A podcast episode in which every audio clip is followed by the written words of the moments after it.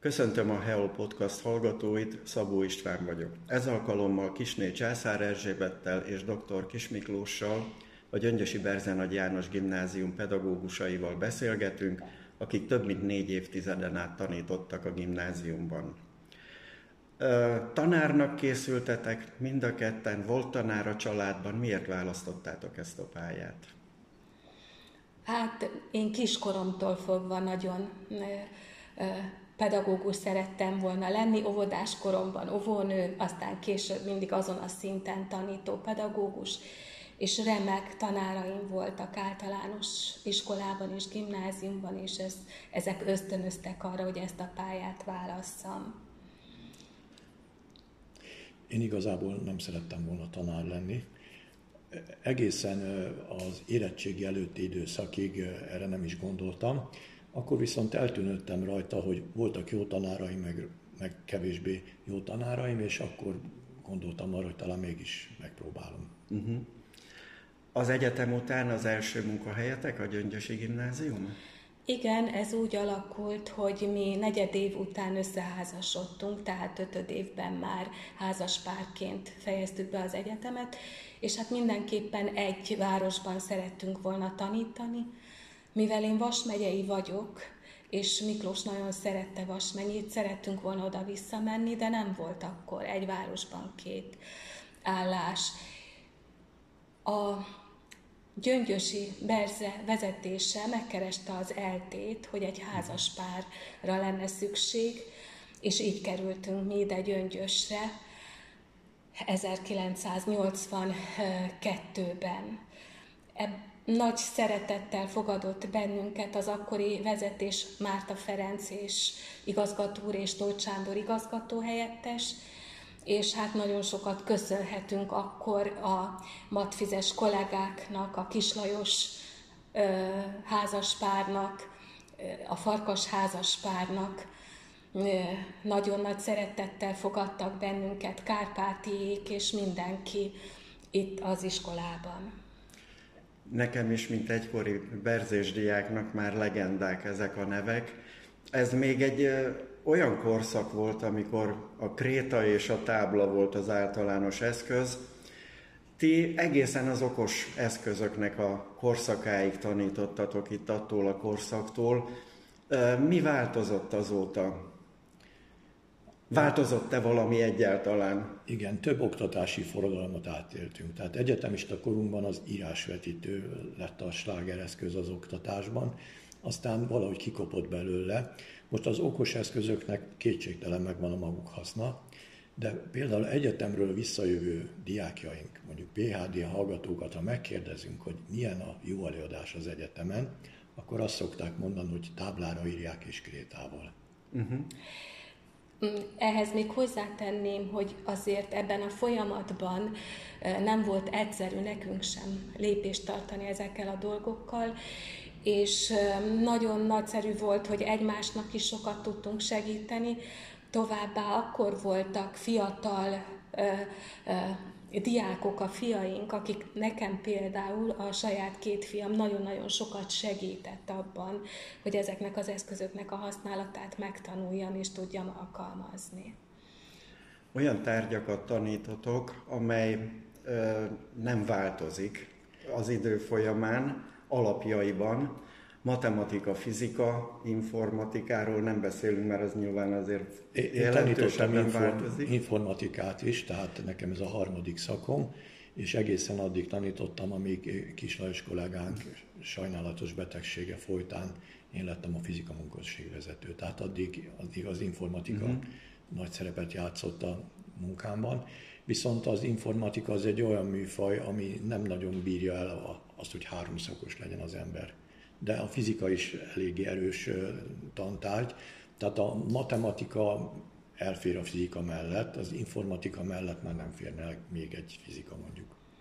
Ez sosem okozott problémát, hogy, hogy ezt a például a matematikát, a változatlan matematikát kellett tanítani, hiszen egyrészt mindig új fajta metódussal tanítottuk ezeket a tárgyakat, másrészt a gyerekanyag mindig más, és nem lehet ugyan, ugyanolyan módon tanítani ugyanazt az anyagot. Én soha nem találtam ezt unalmasnak, hogy több órán esetlegesen egy nap ugyanazt kell elmondanom.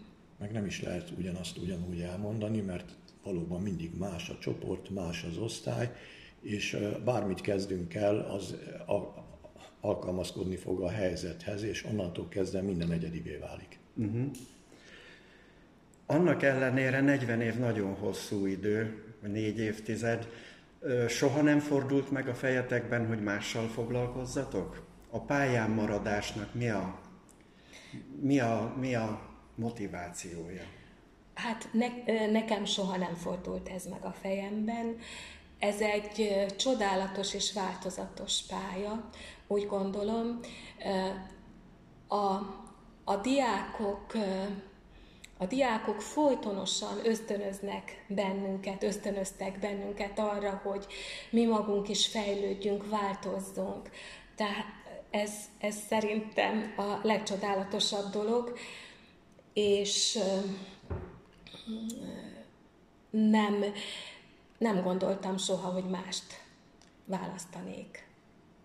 E, igazából ugye mondtam, hogy én nem tanárnak gondoltam magamat, viszont érdekes módon végül is nem merült fel az idők során, az a, nem jött elő az a pillanat, amikor azt gondoltam volna, hogy most abba kell hagynom és váltanom kell.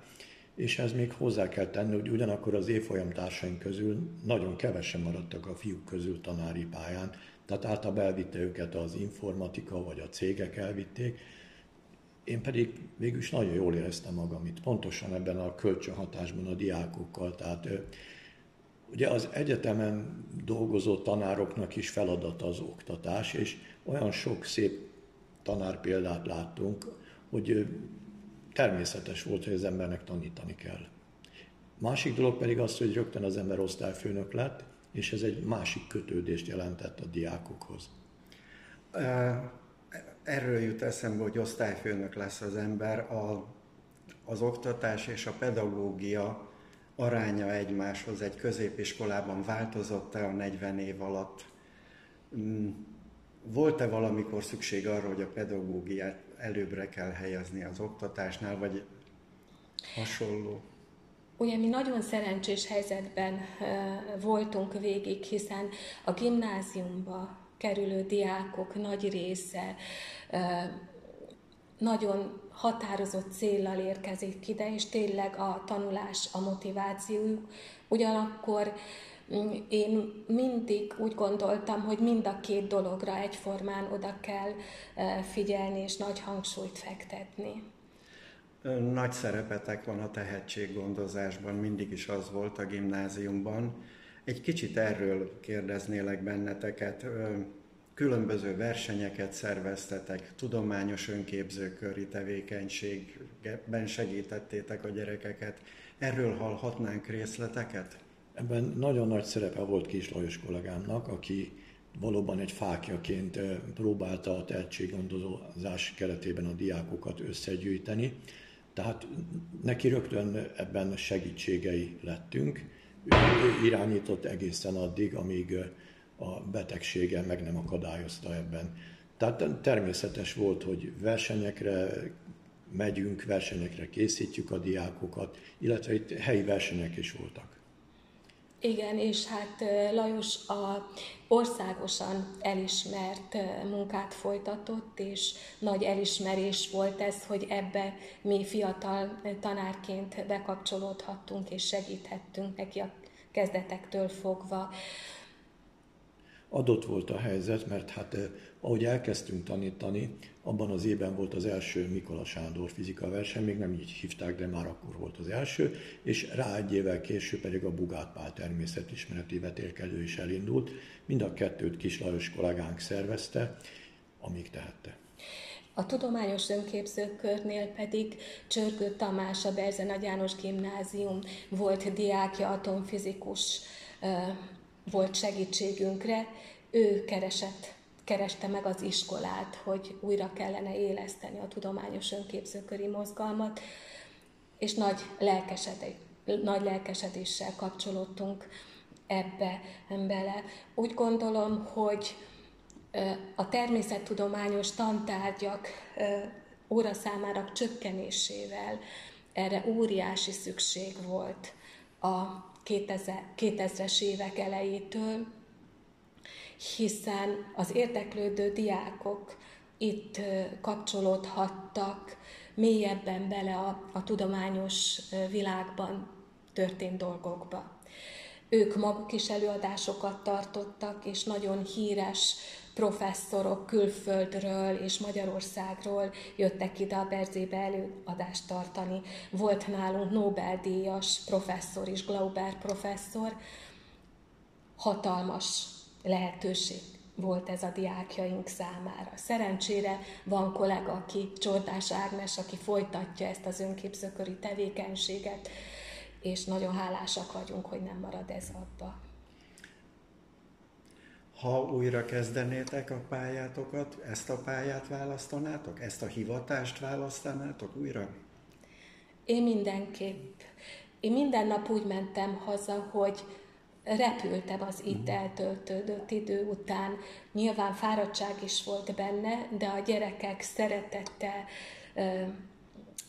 inspirált arra, hogy másnap még jobban tegyem a dolgomat, és fantasztikus dolog, volt két nyolcosztályos osztályom, meg nagyon sok nyolcosztályos osztályban is tanítottam, hogy tíz éves koruktól látni a diákok felnőtté válását. A szülőknek meg kell küzdeni a mindennapi problémákkal. Mi tanárok pedig csak a csodát látjuk a gyerekekben. A kis szobrocskák kialakulására mi is hatással vagyunk, és ez nagy felelősség, de egy fantasztikus élmény. És egy pár szót kérdeznék a jövőről. Bettike, te már egy éve nyugdíjban vagy. Miklós, mint mondtad, egy hónap van hátra. Mik a nyugdíjas évekre a tervek? Hát akkor kezdeném én. A családunk szerencsére szépen gyarapszik, van öt unokánk. Az egyik fiunknál négy gyermek van, másik fiunknál pedig egy. Azt gondolom, hogy most ez a legfontosabb, hogy nagyszülők legyünk, hiszen ez is egy kis is közösség, akikkel csodálatos együtt lenni, ezek a legfontosabb terveink. Én ebben az egy évben is nagyon gazdag, tartalmas napokat töltöttem el. Tehetem azt, amire eddig nem volt időm, sokat olvasom, kézimunkázok, zenét hallgatok, és segítek a családomnak.